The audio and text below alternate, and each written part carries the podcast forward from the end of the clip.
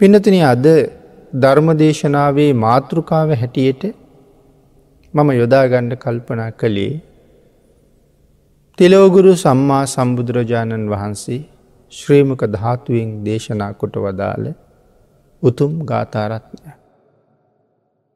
අජ්ජේව කිච්චං ආතප්පං කෝජඥා මරණං සුයි. නහිනෝ සංගරංතේනය මහා සේනේන මච්චුන. මේ ගාථාරත්නයේ සරල තේරුම කල්පනා කරල බැලුවොත් අජ්ජේව කිච්චං ආතප්පා අද කළ යුතු දේවල් අදම කරන්න. කෝ ජඥා මරණං සුයි කවුද දන්නේ හෙට මැරෙයිද කියලා. නහිනෝ සංගරං තියෙන. නොමැරුණ කෙනෙක් නෑ.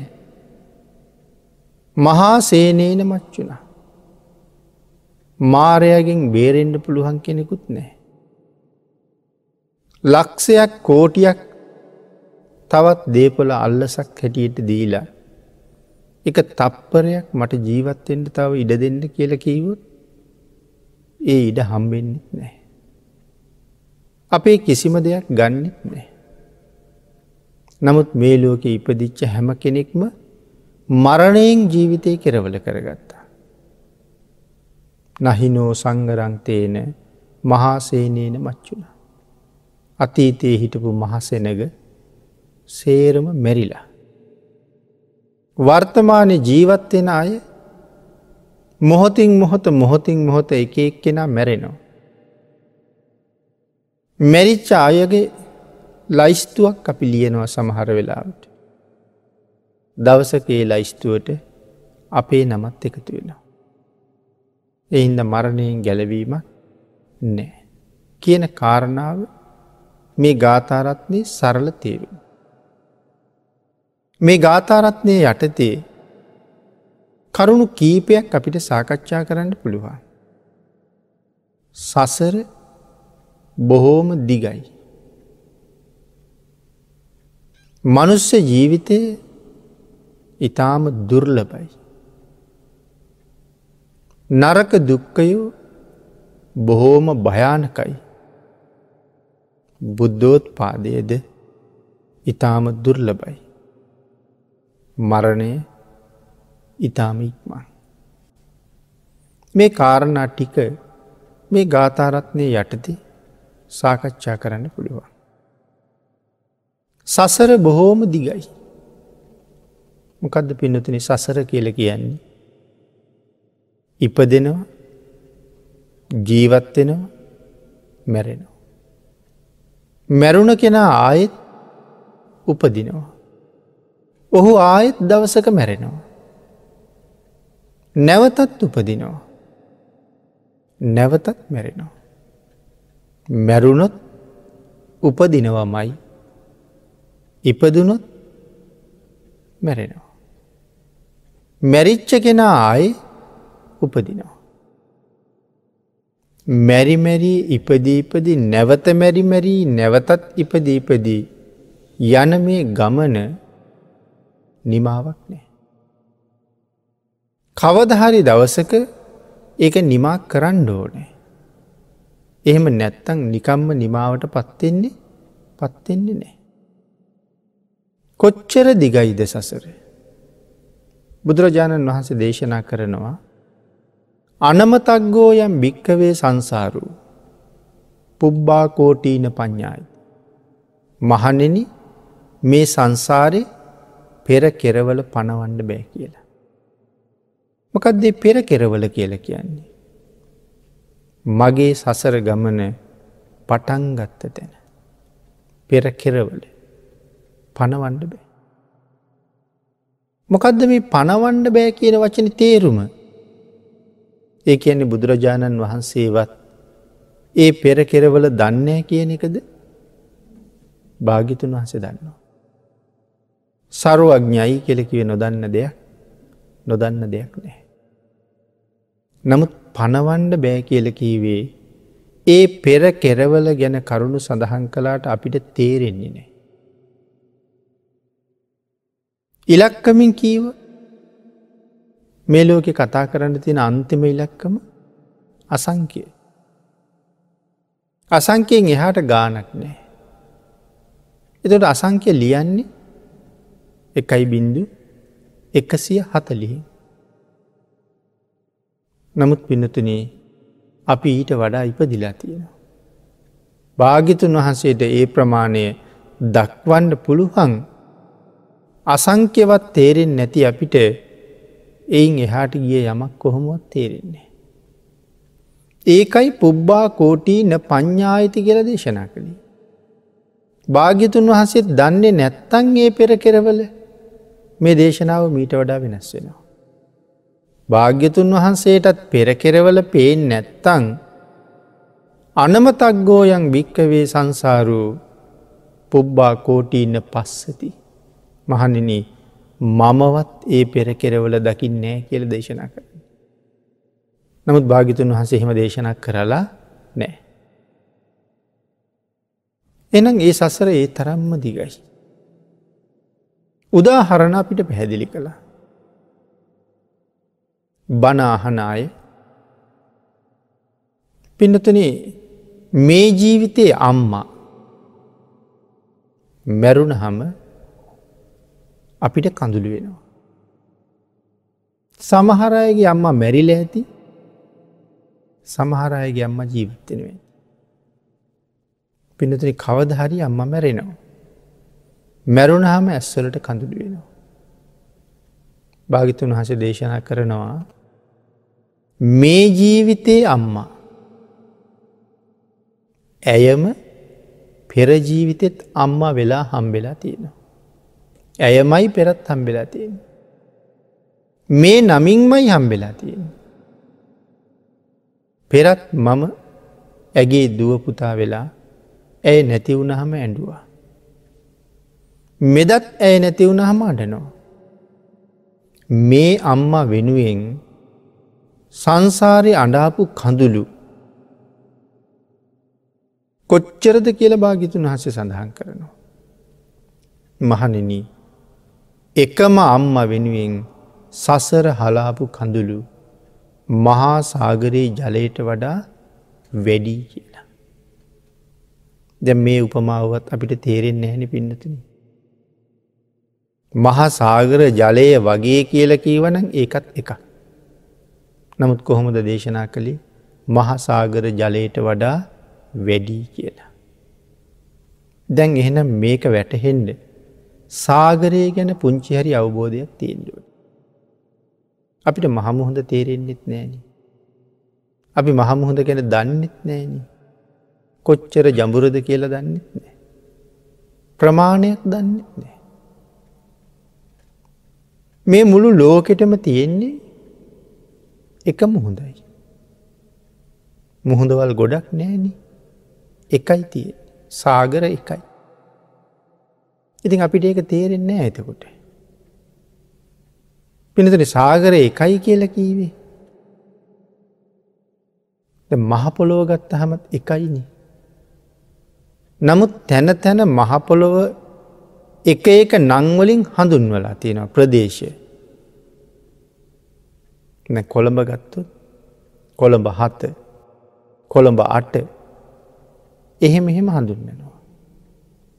එතකොට මරදාන බොරැල් දෙහිවල නුගේගොඩ මේ විවිධ නං යොදල තියෙනවා. නවත් එකම මහපොළොවන වෙන වෙන නංවලින් හඳුන්නනවා ඒ ප්‍රදේශයේ. මහ මුහුදත් එහෙමනි. දැන් අපි අපේ රට වටේට තියෙන මුහොඳට කියනවා ඉන්දියන් සාගරය කියලා. තව පිරිසක් කියනවා පැසිපික් සාගරය කියලා තව පැත්ත. තව පිරිසක් අත්ලාන්තික් සාගරය කියන තව පැත්තක. ඉතින් අර මහපොළොව හැඳින්නවා වගේ තැන්තැංගොල සාගරයට නංතියල තියෙනවා මිසක් මහ මුහුදේ සීමාවක් සීමාවක් නෑ. එකම සාගරයේ. ඉන්දියන් සාගරයත් ඇන්ටාක්ටික් සාගරයත් කියල කෙනෙ දෙකක් නෙමේ. එකම මුහොදට ලැබුණ නන් දෙකක්. එතකොට මේ සාගරයේ ජලය කොච්චරනං ඇද්ද එතකොට. යොදුන් කීයක් ගැඹුරද. පිනතින එකම අම්ම කෙනෙක් වෙනුවෙන් ඔබ මම හලාපු කඳුළු ඒ සාගර ජලයට වඩා වැඩී කියල භාගිතුන් වහසේ දේශනා කලා නම් මොන්න තරං උපදින්ට. එතකොට හිතන්නකො මේ ජීවිතයේ අම්ම මැරුණ නං ඔබ අඩපු තරං කල්පනා කරන්නකු. ඒ අඩපු කඳුළු ඔක්කොම එකතු කලාන. අම්මගේ දේහය දවස් තුනක් ගෙදර තිබ්බකීම. දවස් තුනේම විටිං විට ඇඩුවා. අර තේබොන්්ඩ වගේ පාවිච්චි කරන අඩුකෝප්පයක් පිරෙන්ඩ කඳුළු එන්ඩ ඇද්ද අපට. මහිතන එච්චර කඳුළු වෙන්නේ නෑ. අඩුකෝප්පයක් පිරෙන්ඩ අඩන්න බෑ. එක වතාවක අම්ම මැරුණහම අඩුකෝප්පයක් පිරෙන්ඩ කඳුළු පුරුවන්ඩ බැරි වුණානං. මහසාගර ජලයට වඩා වැඩියෙන් කඳුළු සාගරයක් කොච්චර කාලයක් අඩන්ඩෝ නැති. එහෙනම් මේ සංසාරි කොච්චර දිගවෙන්ඩ ඇද. එතකොට මේ අම්මමද මට මුළු සසර පුරාම හම්බුණේ නෑ මේ සැරේ අම්ම අපෙන් වෙන් වෙලා ගියහම ඒ අම්ම අපිට ආය හම්බ වෙන්නේ අවුරුදු කෝටි ප්‍රකෝටි ගාන. එහෙම අඩලමේ කඳුළු. එනං දේශනා කළා මේ ලෝකයේ ජීවත්වෙන සත්තු අතර. මනුස්සලෝකෙ තිරිසංලෝකෙ ප්‍රේතලෝක අසුරලෝක නිරයලෝක දිවියලෝක බ්‍රහ්මලෝක. මම අම්මෙ කියලා කියපු නැති කෙනෙක් නෑ. මම තාත්තය කියලා කියපු නැති කෙනෙක් නෑ. දුවේ පුතේ කියල කතා කරපු නැති කෙනෙක් නෑ. සහෝදරය සහෝදරිය නොවන කෙනෙක් නෑ. එහෙමනම් මේ සංසාරය කොච්චර දුරයිද. අපි මිනිස්සු වෙලා ඇඩුවා පින්නතුන ඌරෝ වෙලා හරක් වෙලා එළුව වෙලා අපේ බෙල්ල කොච්චර කපන්ඩ ඇත්ත. භාගිතුන් වහසගේ දේශනාව හැටියට හරකෙක් වෙලා ඉපදිලා තියෙන වාරවල බෙල්ල කැපුවහම. එතනින් ගලාගෙන ගියපු රුදිරය සාගර ජලයට වඩා වැඩි. කවුද හරක වෙලා තියන්නේ මම මේ සංසාරය හරකෙක් වෙලා ඉපදිච්ච ආත්මවල බෙල්ල කප හම ගලාපුලි. එතකොට හරකෙක් වෙච්ච හැම ආත්මිකම බෙල්ල කැපුවද හැම ආත්මිකම කැපීත් නෑ. මේවාගේ මේවාගේ උදාහරණ ගණනාවක් පැහැදිලි කරනවා. සංසාරය දිග තේරුම්ගයි. සසර බොහෝම දිගයි. ඉතින් ඔය ආපු සංසාරික ජීවිතයේ සැපවිඳ විඳාවද තිරිසන් ලෝක ඉපදිලා එහෙමදු ප්‍රේත ලෝකෙ නිරය ලෝකෙ මේ සතරාපා ඉපදිලා විඳපුදු මනුස්ස ලෝක ඉපදිලා විඳිනදු කණ්ඩ බොන්්ඩ නැතුව දුක් විඳිනවා. ඉන්ඩ හිටින්ට තැනක් නැතුව දුක් විඳිනවා. දරුව විසින් පාරට ඇදල දාලා දුක් විඳිනවා. නොෙක් අවස්ථාවන් වල අතපය කැඩිල හැප්පිලා පොඩි වෙලා තැල්ල පෙරල්ලා එහෙම දුක් විඳිනවා. ලෙඩ රෝග හැදිල රෝහල් ඇඳවල්ලොල එහෙම දුක් විඳිනවා. සමහර ලෙඩ හැදිල කාටවත් කියාගණ්ඩ බැරුව එහෙම දුක් විඳිනවා. නිමක් නැති දුක්කන්දරාවක් මිනිස්සු අතරත් තියෙනවා. එනම් සසර බොහොම භයානකයි. මිනිස්සුන්ට සමහර වෙලාවට හිතාගණ්ඩවත් බැරි විදිහිට මිනිස්සු මැරෙනවා. සමහරු අරගෙන ගිහිල්ල මරණ. මැරිල වැටෙනකම්ම ඒටික ගන්න. පණපිටින් කපල අඟ පසඟ ටික ගන්න. තවත් නොඒක් වදබන්ධනවලට ගොදුරු වෙනවා. සසර දිගයි වගේම සසර භයනකයි. මනුස්ස ජීවිතය ඉතාම දුර්ලබයි. හැම දාම අපි මිනිස්සු වෙලා උපදින්න ඇද්ද බුදුරජාණන් වහන්සේ මෙන්න මෙහෙම උදාහරණ කීපයක් පැහැදිලි කළා. මනුස්ස චුති සූත්‍රයේ අපූරු උදාහරණයක් කියන. බුදුරජාණන් වහන්සේගේ මේ ශ්‍රේහස්ත ධාතුවේ නිය මතට මහපොළොවින් වැලි ටිකක් ගන්න. භික්‍ෂූන් වහන්සේලට පෙන්නලා අහනුව මහනින මගේ මේ නියමඩල මත තියෙන වැලි ප්‍රමාණයද වැඩි මහ පොළොවෙ තියෙන වැලිද වැඩි. ස්වාමීණි මහපෘතිවේ තියෙන වැලි ප්‍රමාණයම වැඩි. භික්‍ෂූන් වහසල සඳහන් කරනවා මහනින මේ ලෝක ජීවත්වෙන මිනිස්සු. මැරිල ගියහම ආය සුගතියට එන ප්‍රමාණය මේ නියමඩල්ල මත තියෙන වැලි ප්‍රමාණයටත් වඩා අඩුයි කියලා. මිනිස්සු මැරුණ හම ආයෙත් මනුලවට දෙව්ලවට බඹලවට එන පිරිස නියමඩල මත තියෙන වැලි ප්‍රමාණයට වඩා අඩුයි. වෙන වෙන ආත්මෝල උපදින අය මහපෘතිවී තියෙන වැලි වගේ. එතකොට මේ ඉන්න මිනිස්සු මැරුණ හම ආපහු සුගතියට එන්නේ ඉතාම ඉතාම සුළු පිරිසයි. දැඟ සූත්‍රයේ සඳහන් කරනවා නියමඩල මත තියෙන වැලි ප්‍රමාණයට වඩා අඩුයි කියලා. මේ සූත්‍රයේ අට්ට කතාව කියන්නේ ඊට වඩා හරි සියුම් කතාව. අපේ මේ නියපොත්ත ඉස්සරහට වැඩිලා ඇගිල්ල පහු කරලා නියපොත්ත ඉස්සරහට යනවා.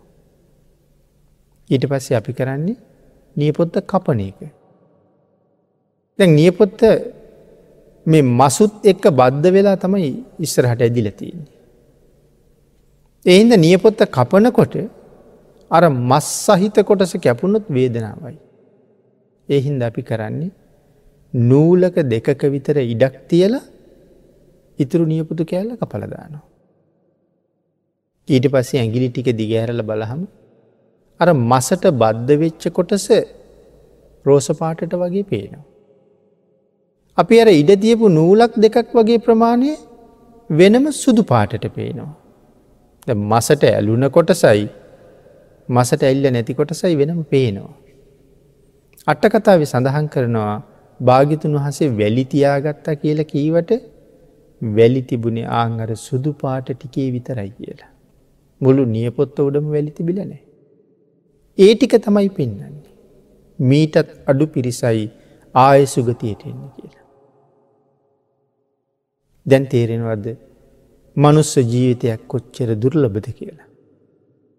පිනතින අපි අද මැරෙන්ඩ බැරිද අද මැරෙන්ඩ පුළුව. අජ්ජේව කිච්චං ආතප්පං අද කරගත යුතු දේවල්ටික අදම කරන්න. කෝ ජඥා මරණංසුවී කෞුද දන්නේ හෙට මැරයිද කියලා. බැරි වෙලාවත් අද මැරුණුත්. හිතල බලන්ඩ ඕනෑ මේ නියපොත්ත උඩට නැවත ගොඩවෙන්න මට පුළු හන්ද කියලා. මං මේ වෙලාව ඒකට සූදානන්ද මැරුණොත් ආපහු නියපොත්තට ගොඩවෙන්ඩ නැත්තන් සුගතියට එන්න මේ වෙනකොට සූදානමින්ද ඉන්නේ කියන කාරණාව නිතර මහන්ඩුවන් නැද්ද. නරක දුක්කයෝ හරි භයානකයි. හැම මොහොතකම සූදානන් වෙලායි. ඒකයි අද කළ යුත්ත අදම කරන්න කෙලකිවි. මොනවද මේ අද කළ යුත්ත කියලකිවි. පිනතුනී සිල් ආරක්ෂා කරගන්න. තෙරුවන් සරණ ගිහිල්ල මුලින්ම තෙරුවන් සරණය. බුදුරජාණන් වහන්සේ හැර මට වෙන ශාස්තෘුවරයෙක් මේ ලෝකනෑ. මම බුදුන් සරණ යනවා. නත්ති මේ සරණං අඥ්ඥන් බුද්ධෝ මේ සරණං වර. භාග්‍යතුන් වහන්සේ හැර මට වෙන සරණක්නේ. එම හිතලා දෙවි හිමියෙන් භාග්‍යතුන් වහන්සේ මට සැකනෑ කෙළ හිතල බුදුන් සරණයන්ඩුව. ඒ භාග්‍යතුන් වහන්සේගේ නික්ලේසී හදමඩලේ ඉපදුනානං යම් ධර්මයක් අපි ඒකටිකව ධර්මරත්නය කියලා. අවබෝධ කරගත්තදී. බුදුරජාණන් වහන්සේට අවබෝධ වනානං මේ ලෝකෙ යමක් එක කවදාවත් වරදින්නේ. එක කවදාවත් වැරදිනේ. අපිට අවශ්‍ය ප්‍රමාණය දේශනා කරලා තියෙන. දේශනා කරපු ධර්මයට වඩා නොකළ ධර්මය බොහොමයි. භාගිතුන් වහසගේ ඥානයේ අපි කියන්නේ සරුවඥතා ඥානය කියලා. මේ විශ්වය කොපමණද.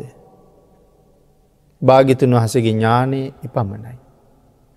භාගිතුන් වහසගේ ඥානය කොපමණද මේ විශ්වයේ පමණයි. නොදන්න දෙයක් සරුවඥතා ඥානී තුළ නෑ. ඒ අවබෝධී තියෙන මහාපුරුෂෝත්තමයාණන් වහන්සේ ඔබට මට සසරින් ගැලවෙන්ඩ අවශ්‍ය ප්‍රමාණය දේශනා කොට වදාළ.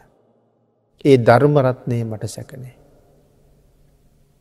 මුළු ජීවිතයෙන්ම බුද්ධ ධම්ම කියන මේ රත්නයන් දෙකට අනුව තමන්ගේ ජීවිතයේ පවත්වනවා කියල යම් කෙනෙක් පොරොන්දුනාන. බුද්ධ රතනයට ධර්මරතනයට අනුව ජීවිතයේ පවත්වන්ට පුරොන්දු වෙලා යම් කෙනෙක් කටයුතු කරන්න පටන් ගත්තන. අං ඒ අයට කියනවා මහා සංග කියලා. භාගිතුන් වහසේට අනු ධර්මරත්නයට අනු සිල්ගුණ දියුණු කරගෙන අන්‍යයන්ට මහා උපකාරයක් කරමි. මහා සංගරත්නය හැසිරෙනවා. ඒ සංගරත්නය මට සැකනෑ. මම ඒ සංගරත්නය සරණයම. මිත්තුනුරුවන මට සැකනේ. එහෙම හිතල තෙරුවන් සරණයන්ඩ. එදාට තමයි අපිට බෞද්ධයෙක් වෙන්න පුළුවන්ගෙන්. තෙරුවන් සරණ ගියපු කෙනා විතරයි බව්. ඊළඟට භාගිතුන් වහස දේශනා කලා ප්‍රාථමිකම සීලයක් ඒකට කියනව පන්සිල් කියලා. එක ඉතාම ප්‍රාථමිකම සීලයේ එයින් පල්ල හැට සිල් නෑ මෙ තමයි අන්තිම එක බාලම එක. නිරන්තරයෙන් ගිහි ජීවිත ගත කරන අයට දේශනා කළා ඔබ නිතරම පන්සිල් මත ඉන්ඩෝනේ. පන්සිලුත් නැත්තන් ඒක ඉතා දුක්කිත ජීවිතය. මැරිච්ච ගමන් නිරයට ලියවෙච්ච ජීවිතය. තීන්දුවිත්ත ජීවිතය. තිසරණයි පන්සිලුයි නැත්තා. ද සිල් අවශ්‍යයි. මේ පන්සි පංච සීලය අපිට ලබා දෙනවා මහත් වූ වරප්‍රසාදයක්. මොකද පන්සිල් අපිට දෙන වරප්‍රසාදය. වරප්‍රසාද එකක් නෙමෙයි වරප්‍රසාද රැසක් හම්බ වෙනවා. නමුත් අති සුවිශේෂී වරප්‍රසාදයකුත් තියෙනවා. මෙන්න මේ සිල්වලට තමයි පුළුවන් මැරිච්ච කෙනා උපදින්න කොහෙද කියන එක තීරණය කරන්න. මොහු මැරුණා මොහු කොහෙද උපදින්ට ඕනේ කියන එක තීරණය කරන්නේ කවුද සිල්. එතකොට අපි ගාව සිල් තියෙනවද කියලා අපි හර්ද ශාක්ෂය මහන්ඩෝනේ. සිල් තියෙනවනං උපදින තැන තීරණය කරලා තියෙනවා හැබැයි ඒ සතරාපාය නෙමේ සුගතියක. සිල් නැතිනම් ඒත් උපදින තැන තීරණය වෙලා තියෙනවා සතරාපායට. සිල්වත් නං විතරක් සුගතියක උපදින්න පුළුවන්. එන අර නියපොත්ත උඩට ගොඩවෙන්ඩ නං මොනවද තියෙන්ඩෝනි සිල් තියෙන්ඩෝනේ. ඊළඟට බුදුරජාණන් වහන්සේ දේශනා කලා පිනතුනි දසදාන වස්තුව. අපි මේ වෙලාවේ දසදාන වස්තුව එකින් එකට පැහැදිලි කරන්නේ අපි දස්දාන වස්තුව දන්නවා බෞද්ධය හැටියට මංහිතන්නේ. ඒ දසදාන වස්තුවම සම්පූර්ණ කර ගණ්ඩ කිවා. එක එක හරි සම්පූර්ණ කරන්න. ආං එතකොට දානයෙන් මොනවද කරන්නේ. සීලයෙන් උපදින තැනතීරණය කරනවා දානයෙන් ඉපදුනාට පස්සේ ඒ පුද්ගලයට ලැබෙන්ඩ ඕනෙ මොනවද කියල තීරණය කරන. අදත් ජීවිතයේ අහවල් අහවල් දේවල් අපිට නෑනෙ කියලා දුකක් තියෙනවන. හොඳ ගයක් නෑ හොඳට අඳින්ඩ නෑ හොඳ වාහනයක් නෑ මේ වගේ නොයෙක් දේවල් සම්බන්ධයෙන් දුකක් තියෙනවන. ඒ පෙර දීල නැති හින්දමයි. ඒ ඒ දේවල් ලබන්ඩ ඒ ඒ දේවල් පූජ කරලා තියෙන්ට ඕනි. ආහාර දන්දුන්න හම ආයුෂය ලැබෙන වර්ණය ලැබෙනවා සැපය ලැබෙනවා ප්‍රඥාව ලැබෙනවා. කාරණ පහක් හම්බෙනවා. වර්ණයත් හම්බ වෙනවා කියලා දේශනා කළා. ඇත්තට මාහාර නැත්තං අපේ මේ ශරීර වර්ණය දුරුවල වෙනවනි. ඉළකට වර්ණ සම්පත් ලබන තවත් කාරණාවක් දේශනා කළා. අන්න දෝ බලදූ හෝති ආහාරය නිසා විශේෂයෙන් ලැබෙනවා ශරීර ශක්තිය. වත්තදෝ හෝති වන්නදූ. බොහොම ලස්සන පැහැපත් සිරුරක් ලබන්ඩ වස්ත්‍ර දන්දීල තියෙන්ට ඕනේ. වස්ත්‍ර දන්දුන් හම තමයි ලස්සන පැහැපත් බවක් ලැබෙන. ඒවාගේ ඒ වගේ කරුණු දේශනා කළා මේ දේවල් කරහම මේ දේවල් ලැබ. ඉතා සියුම් වූ ප්‍රඥාවක් ලැබෙනවා. ඉතා උසස් සුවඳ වර්ග පූජ කරහම. උසස් සුවඳ පූජ කරන්නඩුවට. උසස් සුවඳ කියල කියහම අපි දල්වන සුවඳ කූරු පූජාවේ තරම් උසස් පූජාවක් නෙමේ. මොකද එහෙම ඒ කූරු අපිත් සාක්වේ දාගෙන යනවන සුවදෙන්ට කියලා හොඳයි.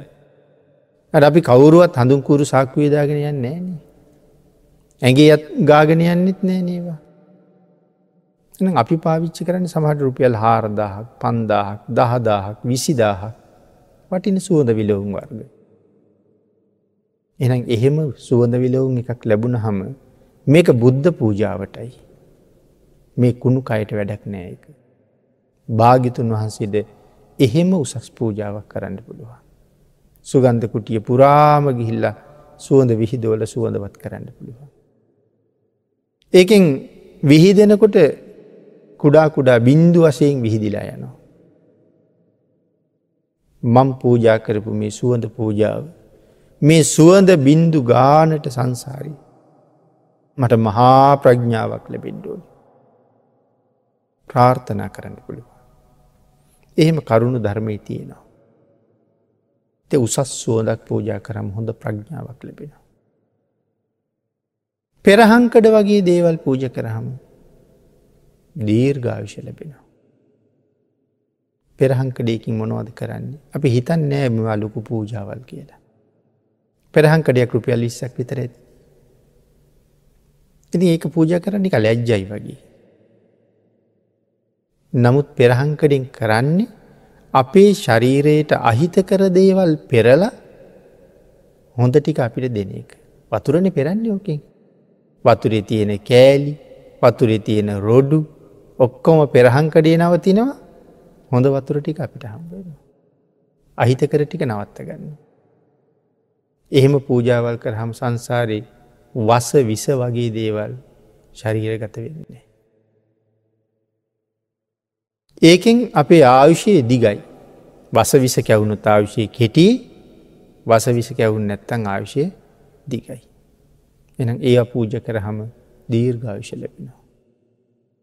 තවත් ඉතාසිවුම් ප්‍රඥාවල් ලැබෙන කරුණ තියෙනවා. කෙනෙක් වැඩිය සලකන එකක් නෑ ඉදිකට පූජාවගෙන. හමහට රුපියල් දෙකතුනකින් ඉදි කට්ටක් ගන්න පුළුවන්. දි පූජ කරන්නේ කවුරුවන්. පූජ කරන අය ඉන්නවා නමුත් විශේෂයෙන් අරගෙන ඉදිකට පූජාවක් කරන්නේ. අඩුයි. ඉතා සුළු මුදලක් බව ඇත්ත. නමුත් අපේ පින්නතුන් හිතන්ඩකු මේ ඉදිකට්ටෙන් කරන වැඩේ මේ ලෝක වෙන මොකෙන්ද කරන්න පුළුවන් කියලා. ඉදිකට්ටෙන් කරන වැඩේ වෙන මොකෙන්වත් කරන්න බෑ. එනම් ඉදිකට්ටක් ඕනැවෙච්ච වෙලාවට ඒ වැඩේට ඉදිකට්ටම ඕනෑ. එතනයි වටිනාකම තියෙන්. මැනික් ගලක් දුන්නත් ඉදිකට්ටෙන් කරන වැඩේ කරන්න බෑනි. රත්තරන්ගෙන හිල්ල දුන්නත් ඉදිකට්ටෙන් කරන වැඩේ කරන්න බෑනි. එන ඉදිකට්ටක් මෝනේ. ඉතාම සිවුම් ප්‍රඥාවල් ලබන්ට තවත් හේතුවෙන මහා ආනිසංස තියෙන පූජාවක් ඉදිකට පූජාව. ධර්මයෙන් මේ කරුණු හොයන්ඩ ඕනේ. දානය ගැන සඳහන් කරනකොට මේ කරුණු හොයන්ඩ ඕනේ. අපේ දහම් පොත්පත්වල ඒ ඒ පූජාවල්ලුල ආනිසංස වෙනම පැහැදිලි කරලා තියෙනවා. ඒවා දැනගෙන එවන් හැම පූජාවක්ම ජීවිතය කරගෙන තිබුණ හම සසරට අඩු පාඩුවක් නැතුව හැමදේම හැමදේම ලැබෙනවා. අංඒකයි කිවා ජේවකිච්චං ආතපං අද කළ යුතු දේවල් අතම කරන්නට. මේ ජීවිතය ඉඳගෙන පින් රැස් කරනවා කියල කියන්නේ. ඇත්තරම මොනවදී. මා පුුණ්‍ය භායි කියන සූත්‍ර දේශනාව භාගිතුන් වහස දේශනා කරනවා මහනිනී. මතු සංසාරය ජීවිතවල අනාගතයේ සැප බලාපොරොත්තු වෙනවනං යම් කෙනෙ. ඒ පුද්ගල මොනවද කරන්නටුවනේ.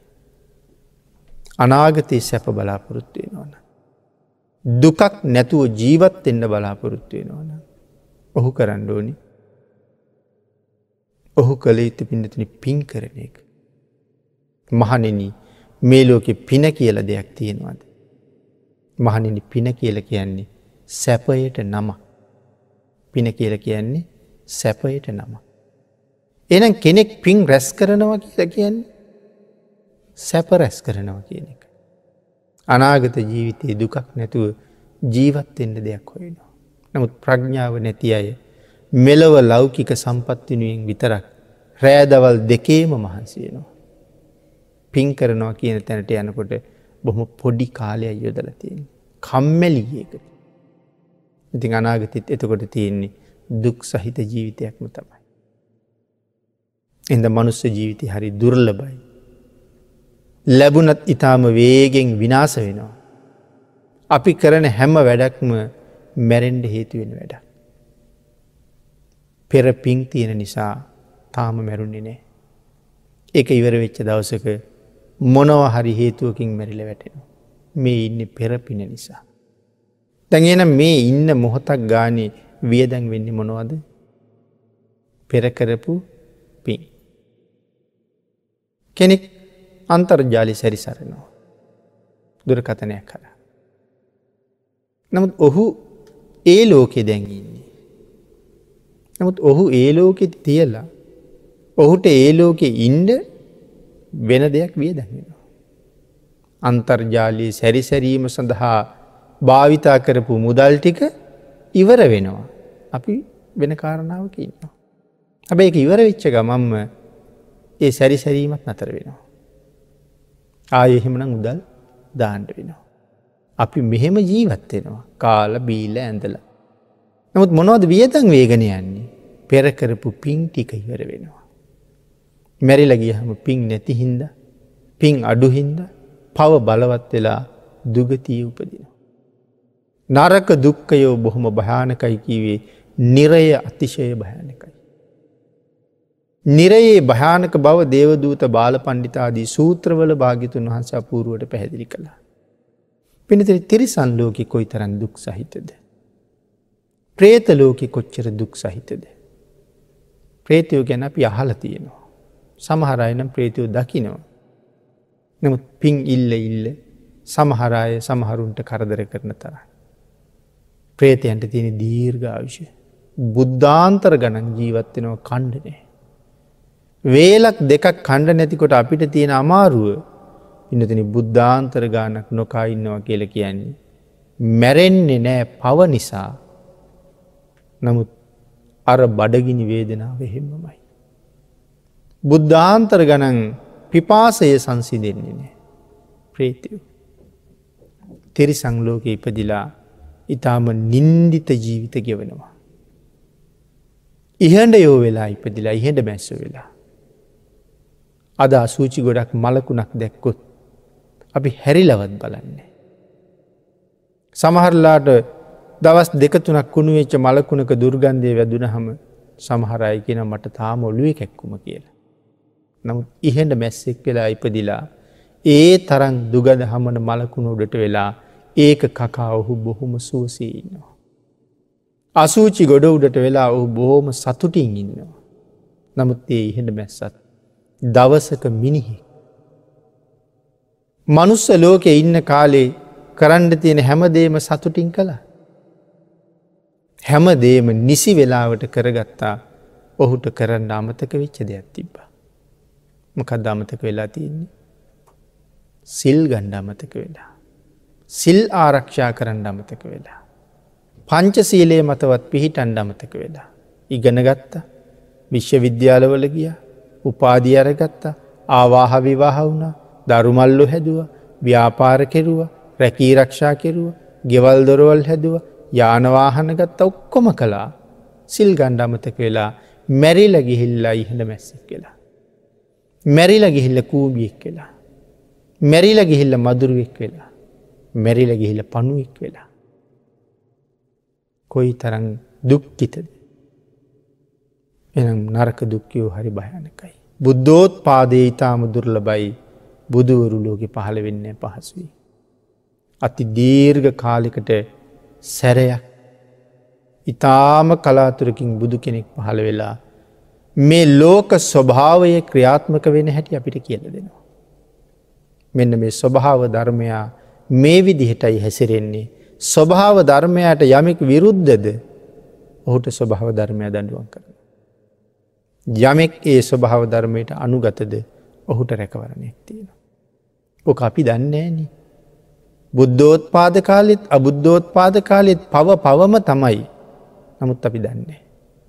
කලාතුරකින් බුදු කෙනෙක් පහළ වෙලා අපිට කළ යුත්ත නොකළ යුත්ත සිහි කැඳවලා දෙනවා. ඒ සබුදුවරු හැම දාම දුර්ලබයි. නමුත් අපි වාසනාවන්තයි බුද්ධෝත් පාද කාලයක සම්මාධිට්ටික මනුස්ස ජීවිතයක් ලැබවා. එක තේරුම් ගණ්ඩෝන හොඳට. මරණය ඉතාමක්ම. ඕනැම වෙලාවක මැරෙන්ඩ පුළුව. මේ දේශනාව ඉවර වෙනකං ජීවත්තයයි කිය අපට විශ්වාසයක් නෑ. අද ගෙදරයයි කියල අපට විශ්වාසයක් නෑ. හෙට උදේ කටයුතුවලට යොමුවෙයිද කියල විශ්වාසයක් නෑ. තන පතක් අග රැඳුන පිණි බින්දුවක් වගේ මේ ජීවිතය අස්තිරයි. කොයි වෙලාවෙ පිණි බින්දුව වැටීත දන්නේ. මේ ශරීරයේ ඉන්ද්‍රියන් කොයි වෙලාවෙන් නතර වෙයිද දන්නේ. හැම ඉන්ද්‍රියකටම යම් යම් වෙලාවක වීක තියෙනවා. අපි නිදාගත්තත් ඉන්ද්‍රියන් ක්‍රියාත්මකයි. සමහර ඉන්ද්‍රියන්ට විතරයි විවේක තියෙන. නිදාගත්තාම ඇහැට විවේකයක් තියෙනවා. නිදාගත්තාම කටට විවේකයක් තියෙනවා. නිදාගත්තාම අතපායට විවේකයක් තියෙනවා. නිතාගත්තාම මොක දේවල් හිතන් නැති නිසා හිතටත් විවේකයක් තියෙන. නමුත් අපි නිදාගත්තට නිදි නැති ඉන්ද්‍රියන් තියෙනවා. හරද වස්තුව කවදාවත් නිදියන්නේ. පෙනහැල්ල කවදාවත් නිදියන්නේ නෑ සොසන පද්ධතිය. අම්මගේ කුසට කලලයක් හැටියට ආපු දවස තිබුණන එදා ඉදලා හදයවත්තු රූපයක් තිබ්බා. හරද වස්තුව එදා ඉඳලම වැඩ. තැඟිතකොට කෙනෙකුට අවුරුදු තිස් පහක් විතර. අවුරුදු තිස් පහක් රෑ දවල් එක මොහොතක් නතර වුණේ නැතුව මේ හරද වස්තුව එක දිගටම වැඩ. සමහරුන් ගෙහරද වස්තුව මෙලහට අවුරුදු හැටක් විතර එක දිගටම වැඩ. අවුරුදු පණහක් විතර එක දිගටම වැඩ. මහන්සි නැතුව ඇද්ද. ආංගේ වෙලාවට හදිස්සියේම නතර වෙන්න පුළුවන්. ඒක දිගටම වැඩෙන් අවුරුදු තිස් පහක් කතලිහක් රෑදවල් නැතුවම වැඩ. ඉති හදිසියේ නතර වුණ වාහනයක් වුණත් එහෙමනි රත්වෙලා රත්වෙලා රත්වෙලා නවතිනවා. ඉති මේ හරද වස්තුවත් වැඩ කරලා වැඩ කරලා කොයි වෙලාවෙ නවතිද දන්න. සමහර වෙලාවට නොයෙක් ප්‍රශ්නය. රුදිර ගමන් කරන නාල සමහරුන්ගේ හීන් වෙලා. ඒ තැන්ගොලට ගිල තෙරපිලා තෙරපිලා තෙරපිලා කෞද දන්නේ මේ වෙලාවෙත් තෙරපෙමින්ද තියෙන්නේ කියලා. හදිසි පුපුරපු ගම ඒත් ජීවිතය ඉවරයි. ලේ කැටියක් හැදිලඇවිල්ල හිරවෙච්ච ගම ඒත් සමහට සදහටම අභගාත වෙන්ඩත් පුළුවන් නැත්තන් ඉවරම වෙලා ජීවිතය නැතිවෙන්න. එතකොට එහෙමනි අස්තර ජීවිතයක් නෙම අරංගින්න මේක මේ අනිත්‍යයි අනිත්‍යයකිවට ඔක තේරුන්නේ නෑනේ ඉතින් එහෙම කොයි වෙලාවෙ නවතීද දන්නේ. ඒ හින්ද මරණය ඉතාම ඉක්මං. එක තව අවුරුදු දහයක් විතර යන්නත් පුළුවන්. නමුත් අද රෑට වෙන්ඩත් පුළුවන්. කෙසේ වෙතත් සූදානන් වෙලා ඉන්න එක වටිනවා. යං කියපු ඕනැම වෙලාවක යන්න. ජීවත් වෙනවා කියල කියන්නේ මරණයට සූදානම් වෙනවා කිය. ජීවත් වෙනවා කියල කියන්නේ ඊළඟට උපදින භවය සැපවත් කරන්න වැඩ කරනවා කියන එක. මෙහෙ වැඩ කරලා හම්බ කරපු දේවල් ලොක්කොම යනකොට දාලයන්නේ. ඒව ලෝකයට බුක්තිවිට. යුතුකං කරන්න ඒවත් කරන්න ඕනෑ නමුත් ප්‍රඥ්ඥාව තියෙන පුද්ගලයක් තමන් ගැනත් හිතනවා. ප්‍රඥ්ඥාව නැති අය මෙලොවට විතරක් හොයනවා. එද මෙලොවටත් හොයාගන්න ගමන් පරලෝට වැඩියෙන් හොයාගන්න. මරණය උදාවුණු ඕනෑම මොහොතක සතුටින් යන්ඩ සූදානන් වෙන්ඩ ඕනෑ මොකද දන්නවා. මම කරලා තියෙන වැඩවල හැටියට මීට වඩා හොඳ තැනක උපදිනවා කියලා. එතකොට මැරෙන්ඩ බයනෑ. එනම් ධර්ම දේශනාවට තියෙන කාලයේ නිමා වෙලා නිසා. අපි දේශනාව නිමා කරමු මේ ආකාරින් මේ කරුණු ටික වඩාත් හිතල හිතලා තව ජීවිතයට කරුණු එකතු කරගෙන. කොයි වෙලාවෙ මරණය එනවද ඕනෙම මොහොතක මරණය පිළිගන්න පුළුවන්. සිනහාමුසු මුහුණින් මරණයත් සමඟ යන්න පුළුවන් ජීවිතයක් පෝෂණය කළ දාට ඔබ මෙලව දිනාපු කෙනෙක්. එතෙන්ට යන්ඩ රත්නත්‍රයාශිරුවාදින් ඔබට ශක්තිය දහිරිය භාග්‍ය වාසනාව උදාවේවා කියලා ආශිරවාද කරන.